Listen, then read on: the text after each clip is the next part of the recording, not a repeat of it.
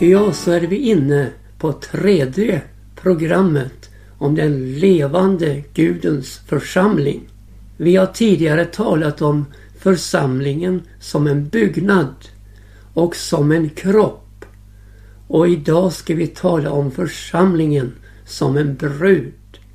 Kanske den mest underbara av alla bilder på just församlingen. Och jag vill utgå ifrån det som Johannes stöparen så klart säger. Brudgummen är den som har bruden. Och jag läser från Johannes tredje kapitel och 25 vers. Några versar nedöver.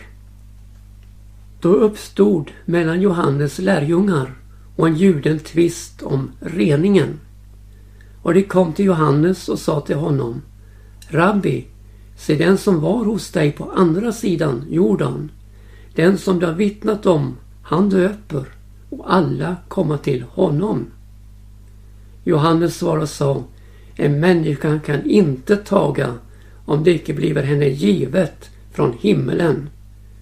I kunde själva giva mig det vittnesbördet jag sa Icke är jag Messias, jag är allenast sänd framför honom. Brudgummen är den som har bruden. Men brudgummens vän som står där och hör honom, han gläder sig storligen åt brudgummens röst. Den glädjen är mig nu given i fullt mått. Det är som sig bör att han växer till och att jag förminskas. Johannes döparen och hans verksamhet och samlingen omkring honom var aldrig avsedd att bli en församling. Johannes predikade omvändelsens budskap ute i öknen och han var där som en förberedare för Jesus. Bergen skulle sänkas, dalarna höjas, vad oländigt är skulle bli rak väg. Och när Gamla Testamentet avslutas med profeten Malaki, det sista kapitlet och den sista versen, så är det gripande att lägga märke till hur en uppgift, hur en kallelse framtonar. Det heter och han skall vända fädernas hjärtan till barnen och barnens hjärtan till deras fäder. För jag icke, när jag kommer, ska slå landet med tillspillogivning. Och så framtonar en församling av alla åldersgrupper, alla generationer, fäderna och barnen. Tillsammans, unga sjunga med det gamla är melodin för församlingen. När vi sedan ser på Johannes döparen så märker vi en ödmjukhet av gudomlig karaktär. Det är som sig bör att han växer till och att jag förminskas. Och när han står där i centrum av sin tjänst så pekar han på Jesus och säger Se Guds lam som borttager världens synd. Så blev det här en efterföljelse av Jesus. Ja, just det var målet för Johannes döparens verksamhet. Ingen Johannes församling, men den levande Gudens församling. Jesu Kristi församling. Denna gudagivna kallelse och verksamhet måste nedläggas. Hur mycket snarare borde då inte människobyggnader och mänskligt tänkande nedläggas inför den korsfäste Kristus.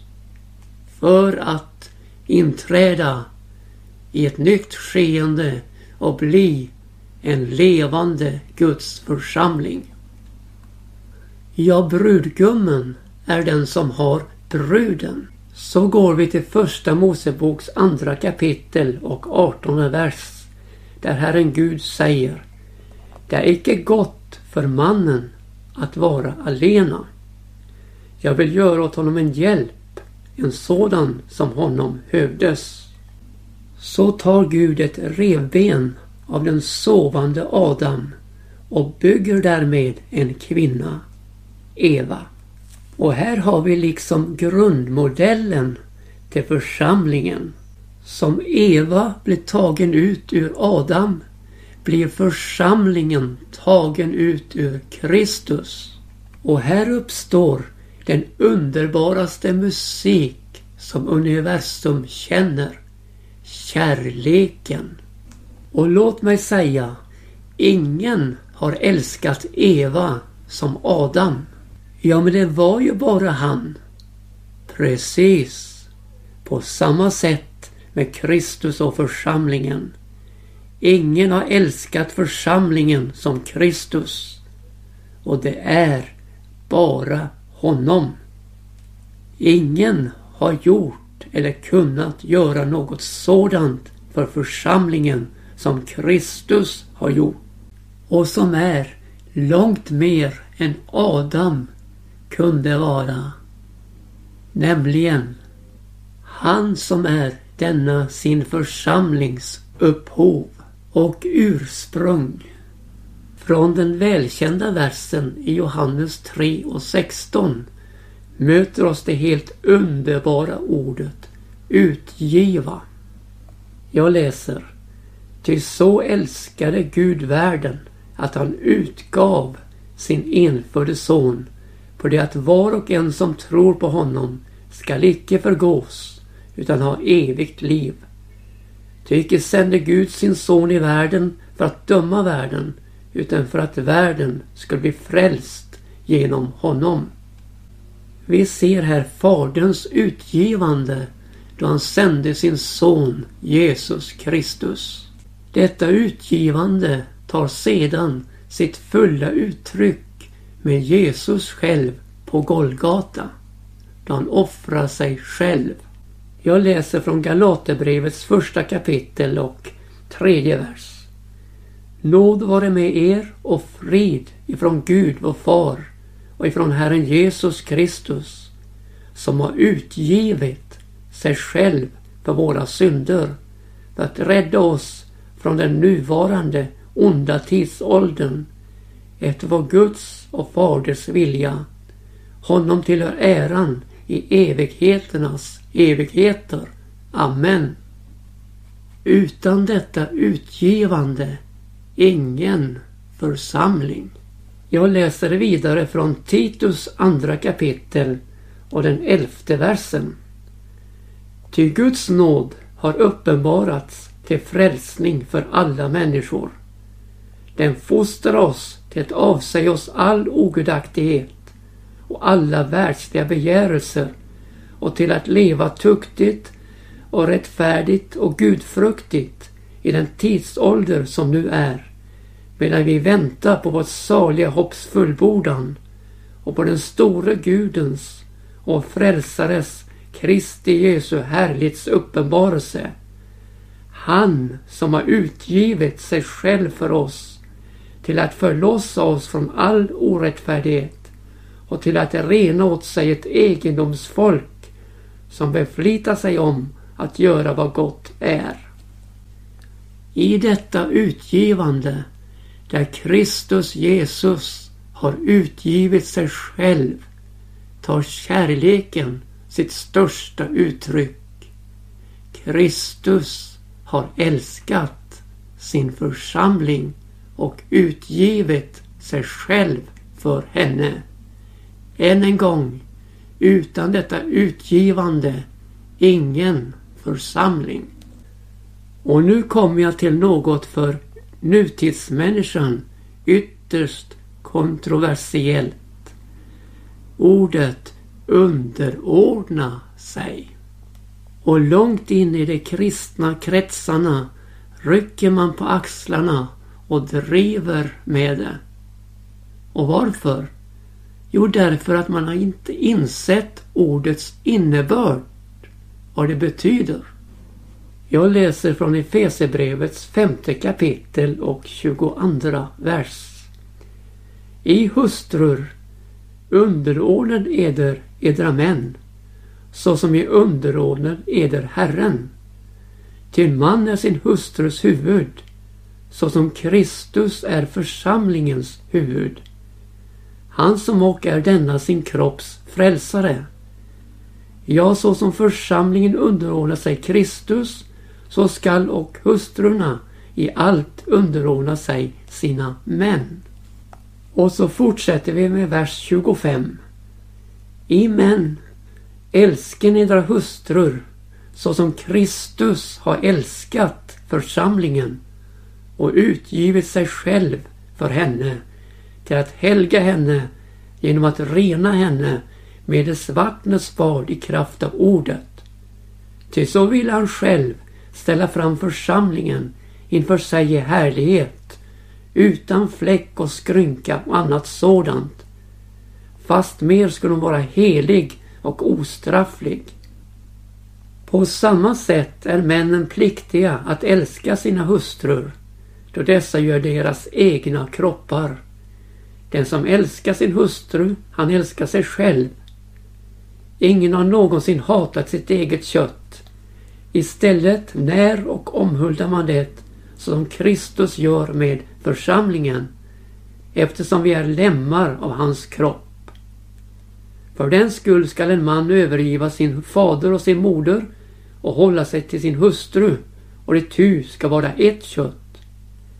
Den hemlighet som ligger här i är stor. Jag säger detta med tanke på Kristus och församlingen. Dock gäller också om er att var och en skall älska sin hustru så som sig själv, men hustrun å sin sida skall visa sin man vördnad. Detta kärlekens förhållande mellan man och kvinna, mellan Kristus och församlingen, är ju helt avgörande när det gäller livet. Gud hade ju aldrig tänkt att Eva skulle vara en slav, en träl åt Adam. Utan en medhjälpare. Och då inte minst, utan främst Adam skulle älska sin Eva.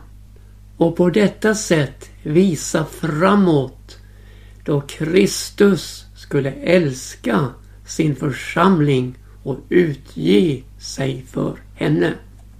I en tid då feminismen prisas i alla tonarter är det värt att lägga märke till Guds gemenskapstanke.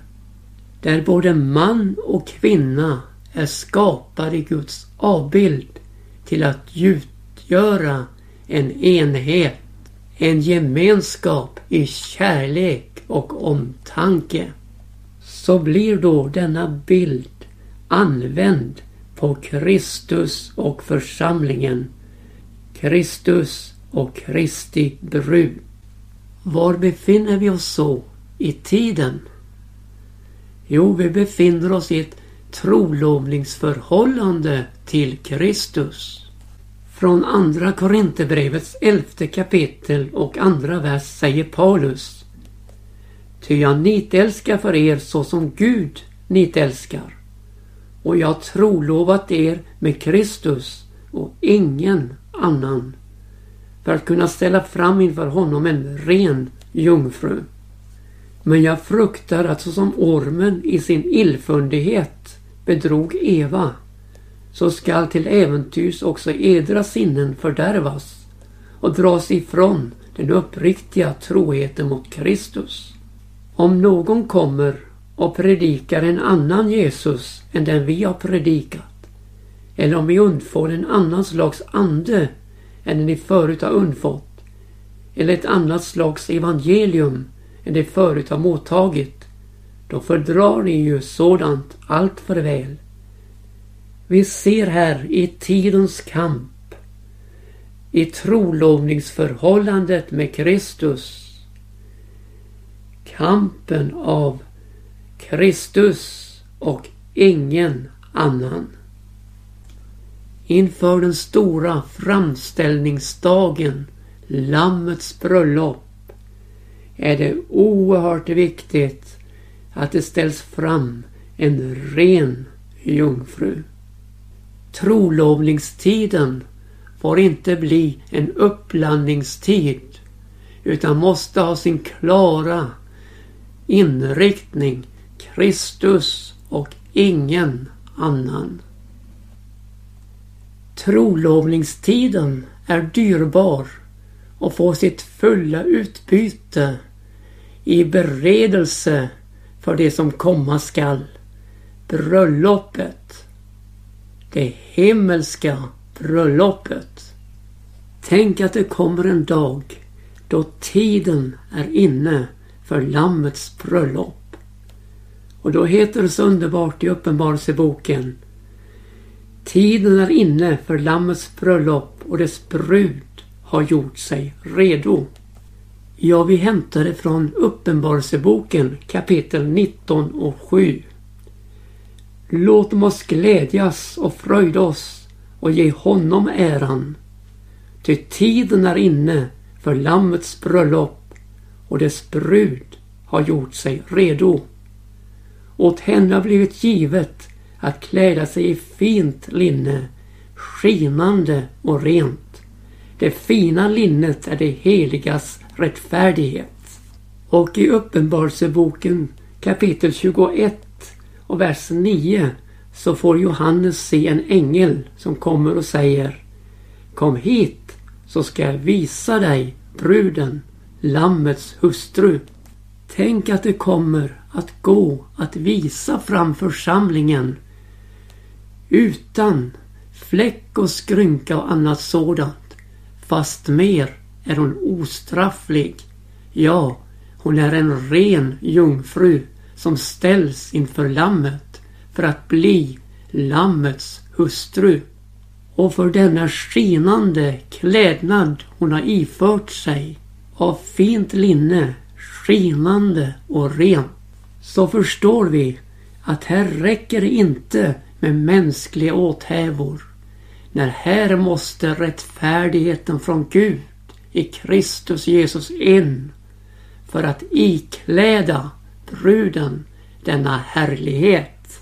Hon kommer att stråla av brudgummen. Hon kommer att stråla, ja utstråla Kristus. En rättfärdighet som gäller i himlen inför Gud. Vi förstår kärlekens enorma betydelse. Den gudomliga kärlekens betydelse mellan förhållandet mellan Kristus och församlingen. Och denna kärlek måste råda från båda sidor. Visst är det underbart att brudgummen älskar sin brud som vi framhållit här i programmet. Men det är också underbart att bruden får älska sin brudgum. Och denna kärlek må vara tilltagande och överflödande. Och nu vill jag läsa från Höga Visans åttonde kapitel och femte vers.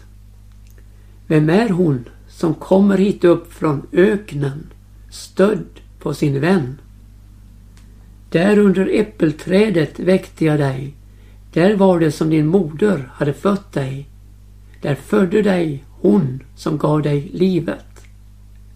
Hav mig som en signetring vid ditt hjärta, så som en signetring på din arm.